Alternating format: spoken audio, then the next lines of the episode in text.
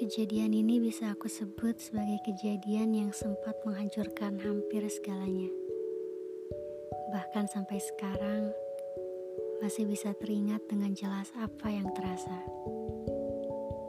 Sakit memang masih lagi terasa walau sudah ribuan kali mencoba untuk tak ingat. Tapi mungkin memang belum saatnya untuk aku bisa lupa. Di sela-sela aku mengingatnya, aku coba manfaatkan setiap kata yang ingin aku sampaikan padanya. Aku tulis semuanya.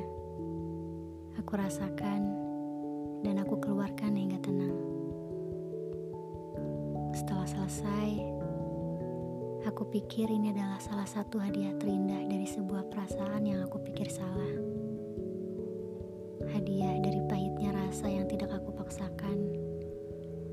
untuk segera hilang.